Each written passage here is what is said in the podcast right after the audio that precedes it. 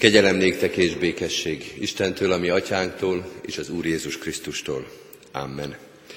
84. Zsoltárunkkal kezdjük Isten tiszteletünket, foglaljuk el a helyünket, és négy verszakot énekeljünk belőle, az első, második, harmadik és az utolsó verszakot.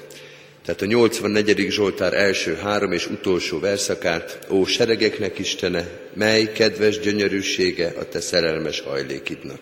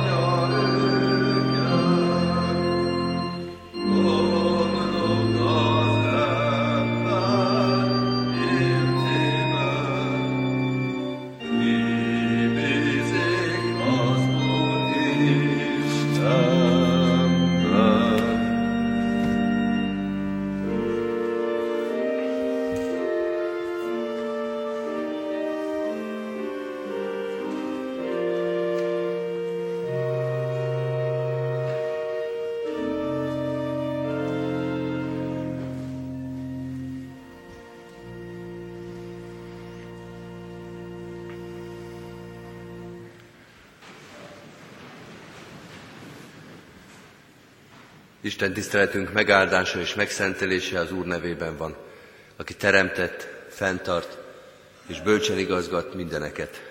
Amen. Hajtsuk meg a fejünket imádságra. A Te bölcs gondviselésedre és szeretetedre van szükségünk, Urunk. Mutasd meg, hogy ebben a világban a Te akaratod a szent és igaz. Akkor is, hogyha sokféle akarat van. Például a miénk is. Például olyanok is, amik akaratok nem azt akarják, amit Te. Nem téged követnek, és nem Te előtted hódolnak. Mutasd meg, hogy a Te bölcsességed és szentséged akkor is itt van. Hogy Te vagy az Úr, hogy végül neked lesz igazad, és végül minden térd meghajol majd a Te nevedre, és hogy mi ezt látni fogjuk, és örvendeni fogunk ezen. Sokszor nem látjuk ezt ebben a világban, vagy ami még rosszabb a saját szívünkben sem, hogy azt akarnánk, amit Te akarsz, hogy arra mennénk, amerre Te mutatod, hogy azt tartanánk jónak, amit Te előnkbe beadtál. Segíts minden Isten tiszteleten, minden igeolvasáskor és ige magyarázatkor rád hangolódni, hogy a Te szavad és akaratod igazzá váljon a szívünkben hogy ne csak értsük és lássuk a Te igédet, hanem cselekedni is tudjuk. Hogy legyen erőnk és legyen bátorságunk melletted kiállni.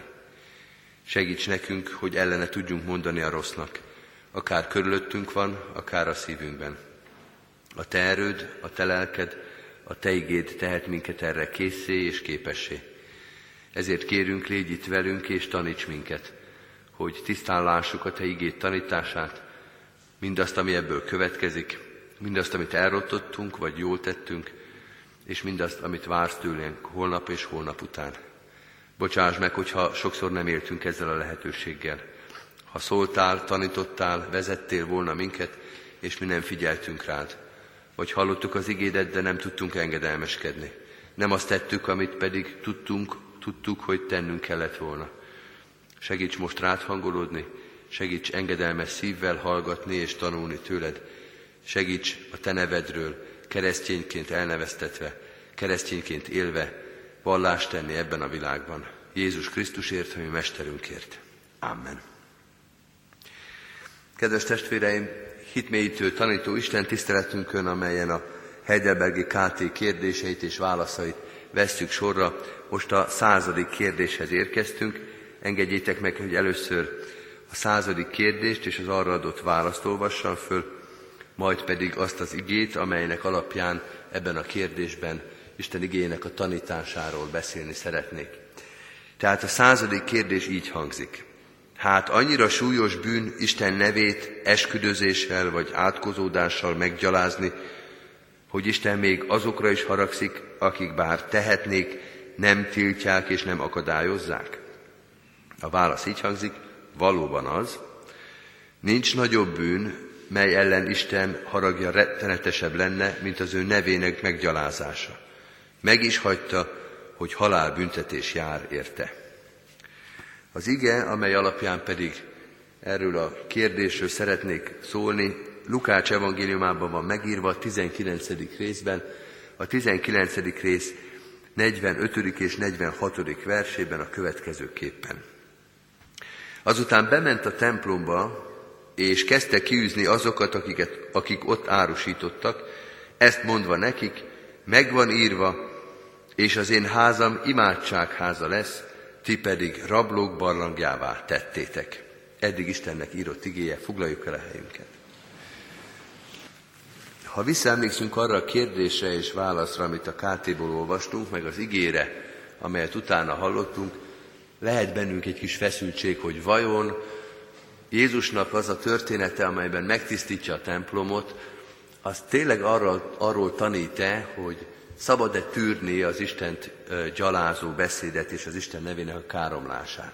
Ugyanarról szól-e ez a két szöveg? A KT magyarázatos Isten tiszteletnek az, az egyik fő szabálya, hogy prédikálni mindig az Isten igényéről kell prédikálni.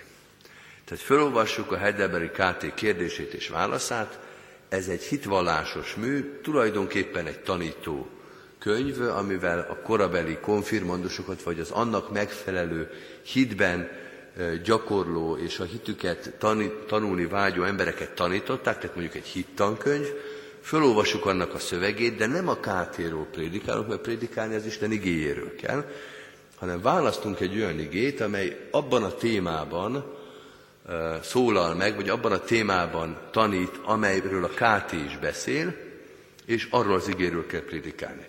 Könnyű választani igét, mert a Heidelberg KT úgy van megszerkesztve, biztos emlékeztek rá, kedves barátaim, hogy a kérdés, de a válasznál meg különösen is ott vannak a bibliai igék, hogy mi alapján fogalmazták meg a 16. században ezeket a válaszokat, ott van legalább 8-10 igen minden egyes válasznál, hát azok közül valamelyiket ki kell választani, felolvasni, és ezen az igén keresztül kell prédikálni arról a témáról, amiről szó van.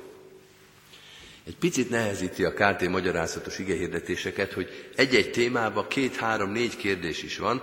Ha van itt közöttünk olyan, aki két héttel ezelőtt is itt volt, amikor a 99. kérdésről és válaszol szólt a KT magyarázatos igehirdetés, akkor emlékezünk, hogy már az tulajdonképpen ez a fő téma volt, az Isten nevének a hiába való kiejtése, az Isten gyalázása, az Isten nevének a méltatlan környezetbe való használata.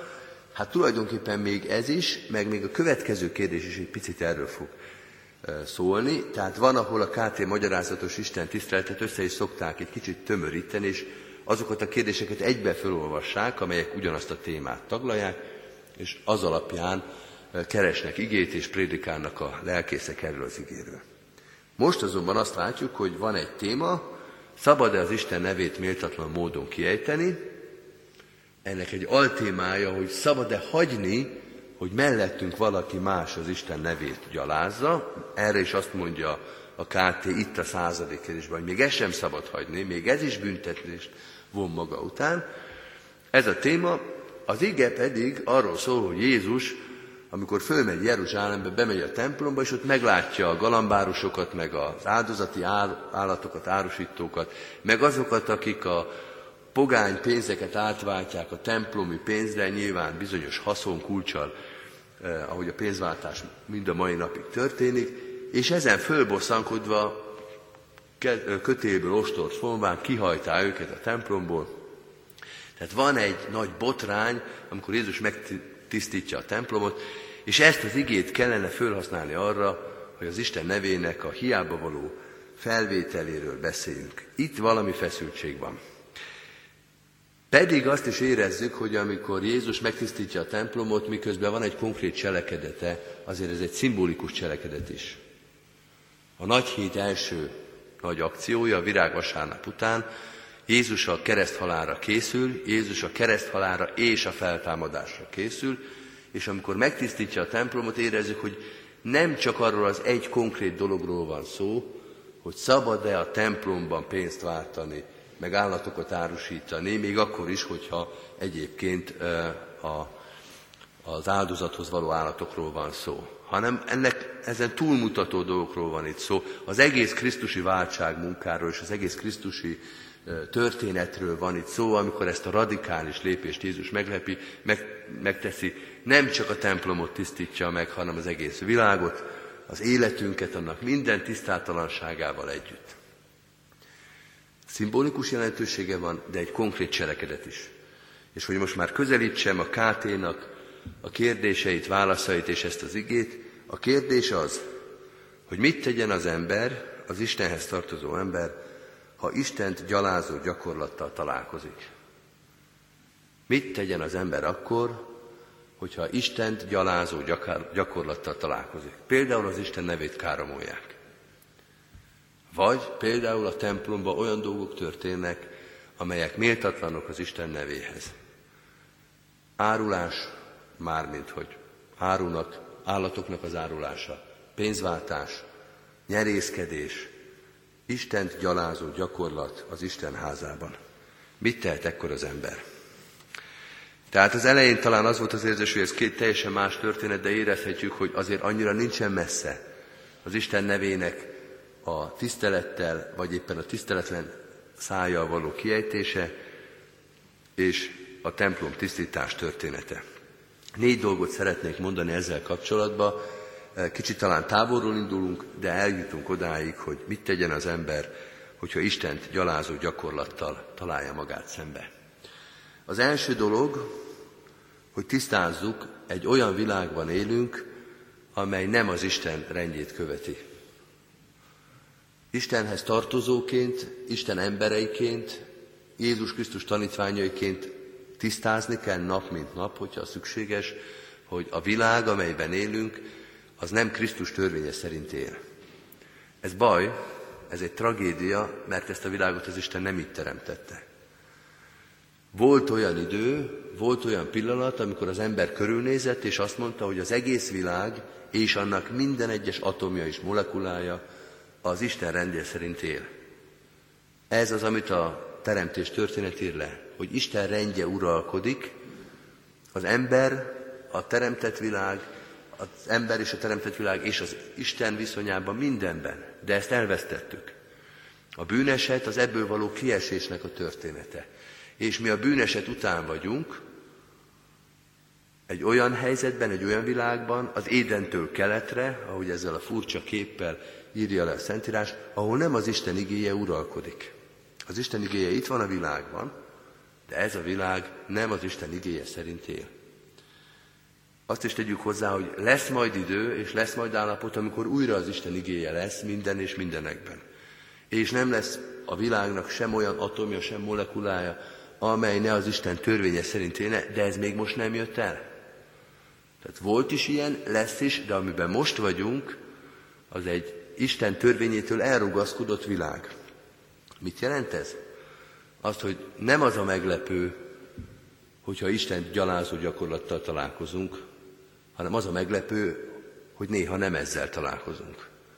Hogy van Isten követés, Isten iránti alázat és engedelmesség, és Isten igénynek a követése a világba. Na erre kell valahogy magyarázatot találni. Van is nekünk magyarázatunk. Az Isten lelke, az Isten kegyelme, Jézus Krisztusnak az elhívó akarata, nagyon sok engedelmesség és alázat és Isten igéje szerinti élet van ebben a világban, de nem ez a természetünkből adódó. Ez már az Istennek a munkája, az Istennek a kegyelme, az Istennek a megőrző, meg elhívó munkája, hogy nem csak istentelenség van ebben a világban. Tehát amikor elkezdjük ezt a kérdést boncolgatni, vagy megválaszolni, akkor látni kell, lehet, hogy ez nem vidítja föl az ember szívét, lehet, hogy más szeretne látni, de alapvetően nem abból kell kiindulni, hogy minden az Isten szerint van, és néha-néha bizonyos elvetemült alakok az Istent gyalázó gyakorlatot követnek el, hanem fordítva van. Hogy az Istent gyalázó gyakorlatban néha-néha szigetként, fényként megjelenik az Isten igéje. A nagy baj az, hogy ez nem csak a világra igaz, hanem a mi szívünkre is. Tehát ami igaz kint, az van bent is, hogy a mi szívünkre, a mi életünkre is igaz, hogy nem az a természetes, hogy az Isten igéje szerint cselekszünk és döntünk, és hogy az Isten igéjét kopogja a szívünk, hanem hogy fordítva indultunk. És az az Isten kegyelme, hogyha nem folyamatosan bűnben és tagadásban vagyunk, hogy az Isten minket ebből már kihozhatott. Hogy képesek vagyunk nem védkezni, hogy képesek vagyunk az Isten igéje szerint élni, hogy képesek vagyunk nem gonoszat gondolni a másik emberről. De nem ez a természetünkből adódó, ez az Isten kegyelméből adódik.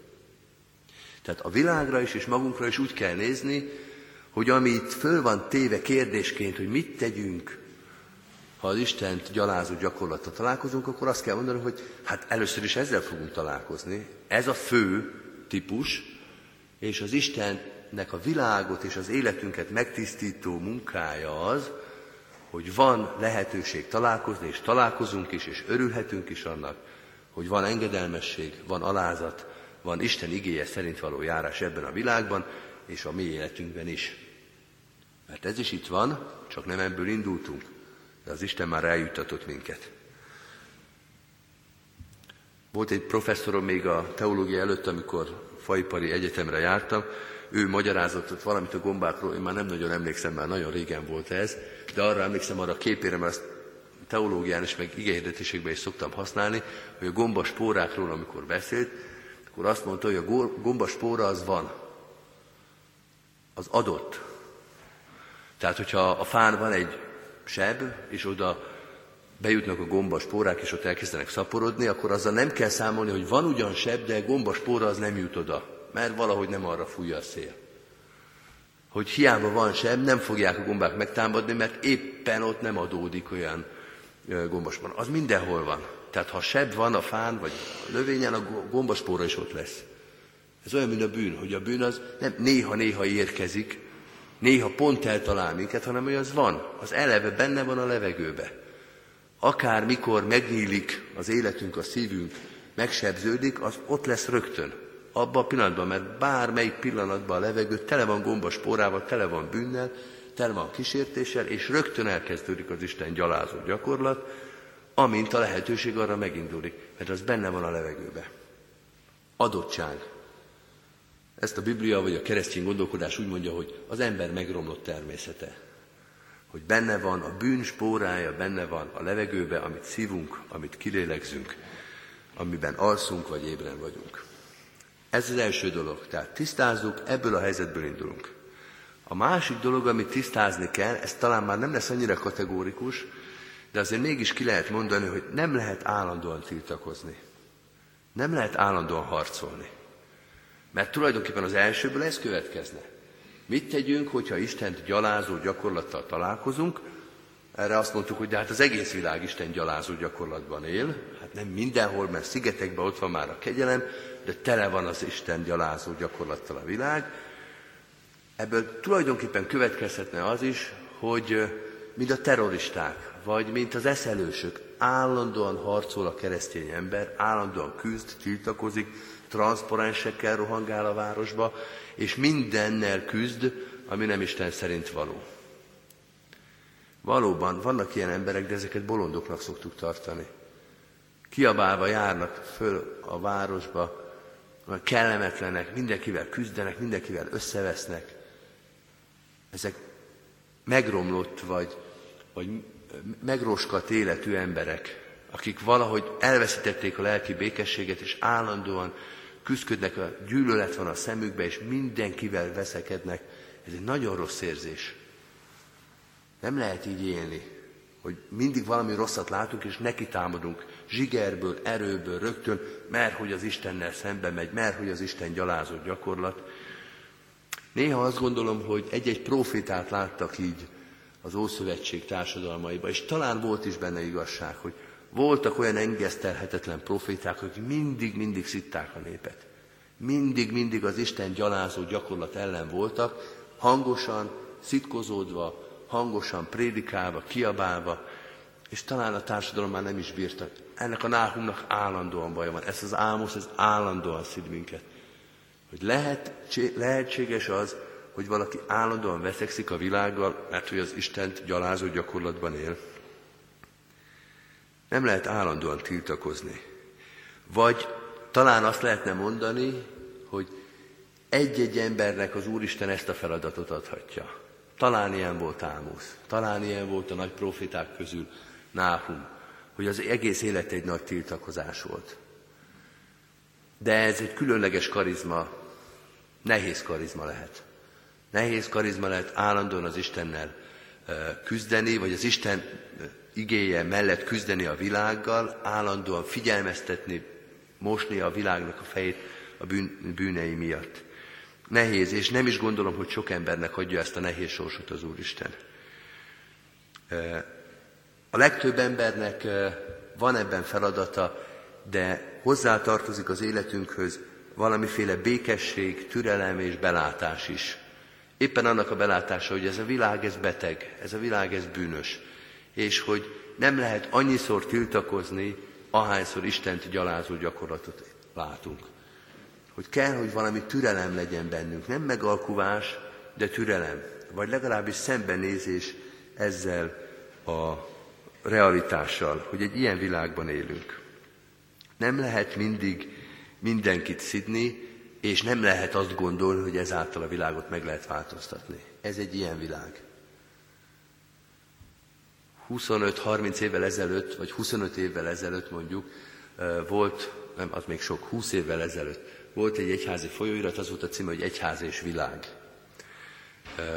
és az egy új teológus nemzedéknek a lapja volt. Ezek az új teológus nemzedék egyébként most már a csúcsokon vannak, egyházi és világi értelemben is.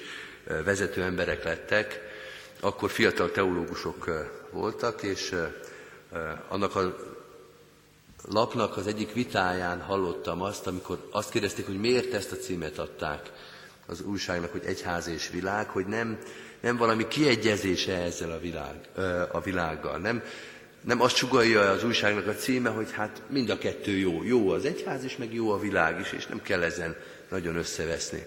És akkor az egyik teológus, aki ezt a lapot szerkesztette, most a nevét nem akarom elmondani, mert az egyházkerületnek a püspöke jelenleg maradjon, akkor inkább titok, hogy ki volt az. Tehát azt mondta, hogy nem lehet elérni azt, hogy a világ megszűnjön. Hogy, hogy el kell fogadni, hogy a világ világ. Ez nem megalkuvás, nem azt mondjuk, hogy ez jó. Csak az, hogy ebben a rendszerben, amiben élünk, tudni ebben a teológiai rendszerben, a megváltásnak, ebben a stádiumában a világ az mindig is meg lesz. És nekünk úgy kell felépíteni a szolgálatunkat, hogy tudjuk, hogy ebben a párbeszédben ott van az a másik is. És akkor is ott van, hogyha mi úgy gondoljuk, hogy a gyakorlata sokszor istentelen. És nem lehet emiatt nem beszélni vele, vagy letagadni, és amit főleg nem lehet keresztényként, lenézni. Mert pont a keresztény ember tudja, hogy a világ és az egyház között nem erkölcsileg van különbség, hanem abban, hogy az egyik már tudja, hogy van számára kegyelem, a másik még ezt nem tudja, és nem is tartja valószínűleg fontosnak, de hogy erkölcsileg mi ugyanott vagyunk, vagy alig vagyunk előbbre, talán egy picit előbbre vagyunk, de ha az Isten kegyelme rajtunk nem segít nekünk, ugyanúgy nincsen jövőnk, mint a világnak nincs. Tehát az egyház azoknak a bűnös embereknek a közössége, akik fölismerték az Isten kegyelmének a szükségességét és lehetőségét, és ugyanebben van a világ is, csak ők ezt nem ismerték föl. És ebben a párbeszédben nem csak el kell tudni fogadni a létüket, hanem kell tudni beszélni a világgal. Nem megerősíteni a bűneiben, nem azt mondani, hogy lehet végül is úgy is, azt kell mondani, hogy ezt nem lehet, de mégis beszélő viszonyban vagyunk veletek. Még egyszer vissza ez a második gondolathoz, nem lehet állandóan küzdeni, száz évente, kétszáz évente talán van egy-egy olyan ember, akinek az Úristen ezt a nagy hatalmat, ezt a nagy feladatot adta, hogy küzdjön a világgal és küzdjön az istentelenséggel, de nekünk látni kell, hogy az életünkben ott van a helye a békességnek, a türelemnek és a belátásnak is. Haladjunk ebben a gondolatban, mert még van hátra két dolog, amit Jézusnak ez a története elénk ad. A harmadik dolog az, hogy tisztázni kell, hogy mi hol állunk. Mert idáig először azt mondtuk, hogy a világ az rossz, ezzel nézzünk szembe, utána azt mondtuk, hogy de nem lehet egész életben küzdeni, de ebből nem az következik, hogy akkor feloldódunk a világban. Hanem tisztázni kell, hogy mi kik vagyunk. Az Ószövetségben van az a híressége, amikor Józsué azt mondja a népnek, hogy én is az én házam népe az Úrnak szolgálunk. Ezt szokták kiírni, hogy a régi református családok a szoba falára, az kis fekete táblán arany betűkkel, én és az én házam népe az Úrnak szolgálunk. Ez egy nagyon szép ige, a bevezetése is fontos, amikor azt mondja Józsué, hogy ti döntsétek el, hogy kit akartok szolgálni, hogy mi, ti mit fogtok tenni, de én és az én házam népe az Úrnak szolgálunk. Ami azt mutatja, hogy mindenkinek döntenie kell, hogy, hogy hol, hol áll, lehet másképpen dönteni, de ti nektek tudnotok kell, hogy én így döntöttem. Lehet, hogy a világ ilyen és olyan és amolyan gyakorlatokat követ, ez az egyik dolog. De a világnak tudnia kell, hogy mi viszont az Isten gyakorlatát követjük. Az nem megoldás, arra nincs felhatalmazás, hogyha nem is küzdünk az egész világgal állandóan napi 24 órába, hogy elbújjunk a világ elől. Hogy azt mondjuk, hogy végül is akkor úgyis minden mindegy. A világ marad olyan, amilyen, akkor ennek nincs értelme. Hanem azt kell mondani, hogy mi viszont az Úrnak szolgálunk. Tudni kell rólunk, hogy mi hol állunk. Az előbb egy ószövetségi példát mondtam, most hagyd mondjak egy új szövetségit. A jelenések könyvében van az a híres kép, amikor azt mondja a laudíciai levélnek az elején, a Szentíró, pontosabban Jézus azt írja a gyülekezetnek, hogy mivel sem hideg, sem forró nem vagy, kiköplek a számból. Bár hideg lennél vagy forró. De ez a langy meleg, ez a se hal, se hús, Ez a nem is lehet tudni, hogy hol áll. Ezt még az Úr is kiköpi a szájából. Tessék megmondani, hogy ti hol álltok. Ha ti Krisztusé vagytok, akkor nem lehet, hogy ezt rólatok ne lehessen tudni. Lehet, hogy a világot ez nem érdekli, lehet, hogy a világ emiatt üldözni fog titeket, vagy csak kinevetni, de tudni kell rólatok. Úgy kell élni, hogy az kiderüljön. Nem feltétlenül kell minden kereszténynek transzparenssel a kezében fölvonulni a város főutcán, hogy mi vagyunk a keresztények. De az nem történhet meg, hogy a városban nem tudják, hogy itt vannak keresztények is. Hogy az életünk gyakorlatából nem derül ki, hát ha nem ma, legkésőbb holnap vagy holnap után, hogy ez nem úgy gondolkozik, mint a világ.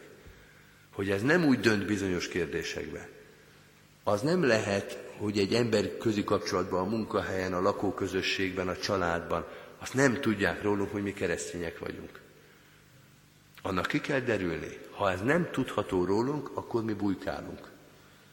Akkor mi letagadjuk, akkor mi langymelegek vagyunk. Azt mondja Jézus, ne légy langymeleg. Légy világ, vagy légy egyház, de ne próbálj úgy csinálni, mint hogyha mind a kettő sikerülne. Ne próbálj úgy forogni a pályán, hogy ne derüljön ki, hogy melyik csapatban játszol. Ne próbálj olyan meszt húzni magadra, hogy ne lehessen eldönteni, hogy melyik kapura játszol. Az hozzá tartozik a keresztény identitáshoz, nem meldöngetve, nem büszkélkedve, hanem szerényen mondhatni alázatosan, de hogy mi az Úrnak szolgálunk. Ez ebben a világban viszonylag nehéz. Voltak talán történelmi helyzetek, amikor a keresztények úgy érezték, hogy eh, az a személyigazolványoknak az első sorába kell, hogy legyen, hogy ők keresztények. Hogy ezzel még büszkélkedtek is. Voltak, amikor talán el akarták dugni, mert üldözték őket. A mai világban nem üldözik a keresztényeket legalábbis nálunk, de valahogy nehéz azt vállalni, vagy nem ezt kéri tőlünk a világ, hogy mi egyértelműen beszéljünk. Egyszer hallgattam egy előadást, az inkább politikai előadás volt, de nagyon jó volt a kép, mert azt mondta, hogy volt kor, amikor azt mondták, hogy kettő meg kettő az négy. Ez elmúlt. Volt olyan idő, amikor azt mondták, hogy kettő meg kettő az nyolc. És akkor valaki mondta, hogy nem is nyolc, hanem kilenc. És aki azt gondolta, hogy kettő meg kettő az nem nyolc meg kilenc, az meg sem mert szólalni, pedig égbe kiáltó volt a hazugság, de tudta, hogy ha ő most megszólal, leveszik a fejét. Tehát még a legnagyobb hazugságnál is hallgatott az ember. És most meg egy olyan korban vagyunk, amikor az a kérdés, hogy kettő meg kettő mennyi, és az ember azt mondja, hogy hát olyan három és hat között valahol, amit, ami a kettő között van, az már nagyjából mind jó. És aki meg azt mondja, hogy dehogy is négy, arra azt mondják, hogy hát nem lehet ilyen fafejű az ember. Nem lehet csak így nézni a világot. És megint az ember behúzza a fejét, mert azt gondolja, hogy ő szerint ez négy, de lehet, hogy ennyire karakteresen nem illik vállalni a véleményünket. Egy ilyen helyzetben azt mondja az Isten igéje, hogy én és az én házam nép az Úrnak szolgálunk. És nincs ilyen mesdje, hogy innentől idáig valódjunk valahol ezen belül, hanem itt vagyunk. És most jutunk el a negyedik gondolathoz. Van, amikor nemet kell mondani. Jézusnak a példája azt mutatja, hogy nem kell mindig küzdeni. Jézus elég sok küzdelmet vállalt, de ostor csak egyszer vett a kezébe pedig elhihetjük, hogy olyan dolgokat láthatott abban a néhány évben, évtizedben, amit itt a Földön töltött, amely talán sokszor elkeserítette, talán még ennél durvább dolgokat is. Nem kell állandóan ostort csattogtatni, de van olyan helyzet, amikor az van. Amikor nem lehet azt mondani, hogy hát láttunk ennél rosszabbat is. Meg veszett már több is mohácsnál. Hogy úgy csinálni, mintha nem vettük volna észre hanem azt kell mondani, hogy na ezt nem. Ezt nem. Itt nincs megalkuvás, és nincs megállás. Nincs azt mondani, hogy a fele menjen ki. Hanem azt lehet mondani, hogy az egészet ki. Ezt a gyakorlatot meg kell szüntetni. Jézus, amikor bemegy a templomba, és erre ragadtatja magát, ez a legnagyobb botrány tulajdonképpen. Nincs egy másik történet, ami ehhez hasonlít. Néha ideges Jézus, néha felcsattan néha elkeseredik, de ilyet, hogy tetlegességé folyjon a dolog, ilyet nem látunk máshol. Akkor ezzel azt mutatja, hogy lehet, hogy az életünkben csak egyszer van. Lehet, hogy nagyon ritkán adódik ilyen alkalom, de arra is föl kell tudni készülni. Azt is el kell tudni vállalni, amikor az ember azt mondja, hogy na, ezt nem. Itt nincs játéktér, itt nincs kecmec, itt nincsen mérlegelés, hanem határozott, karakteres, egyébként önveszélyes, egyébként véres történetbe torkoló nemet is ki kell tudni mondani. Nem könnyű. Nem könnyű, de hogy még egy utolsó idézettel éljek, Bulgakovnak a Mester és Margaritájában van egy tételmondat, amit Jézus mond, ezt a Bibliában ne keressük, mert a Bibliában nincs benne, ez egy irodalmi idézet, de azt gondolom, hogy nagyon biblikus, vagy legalábbis nagyon erős bibliai kötődése van. Jézus ott azt mondja, hogy a legnagyobb bűn a gyávaság. Én azt gondolom, hogy bizonyos kontextusban ez tényleg így van. Kereszténynek lenni az bátor dolog. De azért lehet bátor a keresztény ember, mert egyrészt az Isten igéje erősíti, az Isten igéjébe kapaszkodhat. Ez az a bátorság, amit Luther mondott állítólag, hogy itt állok, másképp nem tehetek. Annak a bátorsága, hogy bármi megtörténhet, és valóban sokszor meg is történik az a bármi, de az Isten igéjével együtt ez vállalható. De csak az Isten igéjével. Csak az Isten lelkével. A gyávaság az ennek az ellentéte, amikor az ember letagadja, elfordul, úgy csinál, mintha nem történt volna meg, úgy csinál, mintha nem lehetne tenni semmit. Bátornak kell lenni, mondja ez az idézet. És ezt mondja Jézusnak a templom megtisztító története is. Hogy lehet, hogy életünkben csak egyszer-kétszer kíván ilyet tőlünk az Isten, de akkor lehet, hogy ezt kéri. Bátornak kell lenni a bűnnel szemben, önmagunkkal szemben, keresztény hitünknek a vállalásával, Jézus Krisztusnak a vállalásával. Adja az Isten, hogy amikor erre kerül a sor, akkor mindezeket megadja a tisztánlátást, hogy na ez az a pillanat, amikor most bátornak kell lenni. És ebben a pillanatban megadja azt az igei mércét, azt az igei tisztánlátást, ami mellett bátran ki kell tudni állni.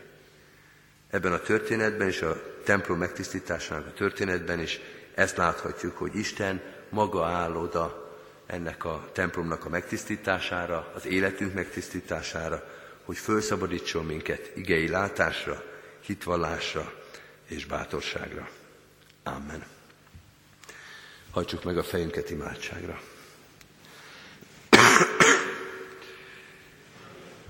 Mindenható Istenünk, Te tudod, hogy a szívünkben sokszor sokkal több a gyávaság, vagy a kapkodás, vagy az űrzavar, mint az igaz Krisztusi bátorság. Ezért valóban arra kérünk, hogy te taníts minket tisztánlátásra és bátorságra, cselekvésre, döntésre, szólásra vagy hallgatásra. Ne az emberi bátorságot, ne az emberi döntést, ne az emberi indulatot ad nekünk. Sőt, azt kérjük, hogy ezt vedd ki a szívünkből. Mindaz, ami megtörténik, amit lépnünk kell, amit cselekednünk kell, az jöjjön tőled és csak is tőled. Ehhez adj nekünk bátorságot, hogy önmagunkat küzdjük le. Hogy ne hivatkozzunk rád, hogyha nem te szólsz, ha nem te indítasz. Hogy ne téged hívjunk mentségül vagy igazolásul a saját indulatainkhoz, de amikor te szólsz, amikor te indítasz, amikor te irányítasz, akkor legyen bátorságunk azt elvállalni. Így kérünk, áldj meg minket alázattal és engedelmes szívvel. Mutasd meg, hogy ebben az Isten rendjét gyalázó világban, hogy lehet mégis Isten igéje szerint élni. Segíts leküzdeni a világot és leküzdeni saját magunkat. Segíts engedelmesen és alázatosan élni, akkor is, hogyha a világ vagy a saját szívünknek a kívánsága ezt akadályozza. Bocsáss meg, hogyha ez sokszor nem is sikerült. És köszönjük neked, hogyha megérezhettük, hogy ebben a világban ebben a sokszor Istent gyalázó világban mégis van hűség, alázat, igeismeret, Krisztus követés a világban is és a mi szívünkben is. Segíts ezen az úton járni tovább is. Segíts úgy elfogadni embert és embertársat, munkatársat, ismerőst és idegent, ahogy Te elfogadtál minket. A Te nagy lelkűségedet, a Te szeretetedet, a Te kegyelmedet taníts nekünk napról napra de taníts nekünk a Te bátorságodat is. Mutasd meg, hogy mikor mit kívánsz tőlünk. minden pillanatban, minden mozdulatban, minden döntésben hadd kövessünk téged. Ehhez kérjük a te erődet, a te segítségedet, a te vezetésedet. Így könyörgünk a gyülekezetünkért, annak minden tagjáért, kicsikért és nagyokért, gyengékért és erősekért. Urunk, valamennyien a te kegyelmedből élünk. Ha te nem jönnél, ha te nem hívnál, ha te nem erősítenél, már rég szétestünk, elbuktunk volna. Köszönjük, hogy olyan sok küzdelemben megtartottál minket. Ezért is kérünk, maradj velünk a te kegyelmeddel. Különösen is imádkozunk a terhet hordozókért, a betegeinkért, a kórházban lévőkért, a műtétre készülőkért. Könyörgünk azokért, akiknek az élete, a hétköznapjai tele vannak szomorúsággal, fájdalommal, akár egy gyász miatt, vagy betegség miatt, vagy emberi szeretetlenség, háborúság miatt. Urunk, Te segítsd helyre tenni az elrontott, összetört dolgainkat. Imádkozunk a gyülekezetünk szolgálatáért, az ige hirdetésért, a tanításért, a lelki gondozásért, idősek és gyermekek, családok és magányosok között végzett minden szolgálatunkért. Áld meg a szolgáló közösségeket, áld meg a gyülekezet minden tagját, a várost, amelyben élünk, országunkat, nemzetünket, minden közösségünket. Jézus Krisztusért, a feltámadott Úrért kérünk, hallgass meg minket. Amen. Egy rövid csendes percben vigyük Isten elé imádságainkat. Amen. Az Úrtól tanult imádságot együtt és fennállva mondjuk el. Mi, Atyánk, aki a mennyekben vagy, szenteltessék meg a Te neved. Jöjjön el a Te országod, legyen meg a Te akaratod, amint a mennyben, úgy a földön is. Minden napi kenyerünket add meg nékünk ma, és bocsásd meg védkeinket, miképpen mi is megbocsátunk az ellenünk védkezőknek. És ne vigy minket kísértésbe, de szabadíts meg a gonosztól, mert tiéd az ország, a hatalom és a dicsőség, mind örökké. Amen. Mindezek után az Úr Jézus Krisztusnak kegyelme, Istennek, a mi atyánknak szeretete, és a Szentlélek Isten közössége legyen, és maradjon minnyájatokkal. Amen. Most pedig, kedves testvérek, a záró énekünket énekeljük, a, hat, a 261. dicséretünket mind a négy verszakával, 261. dicséretünk, kegyelmes Isten kinek kezébe életemet adtam.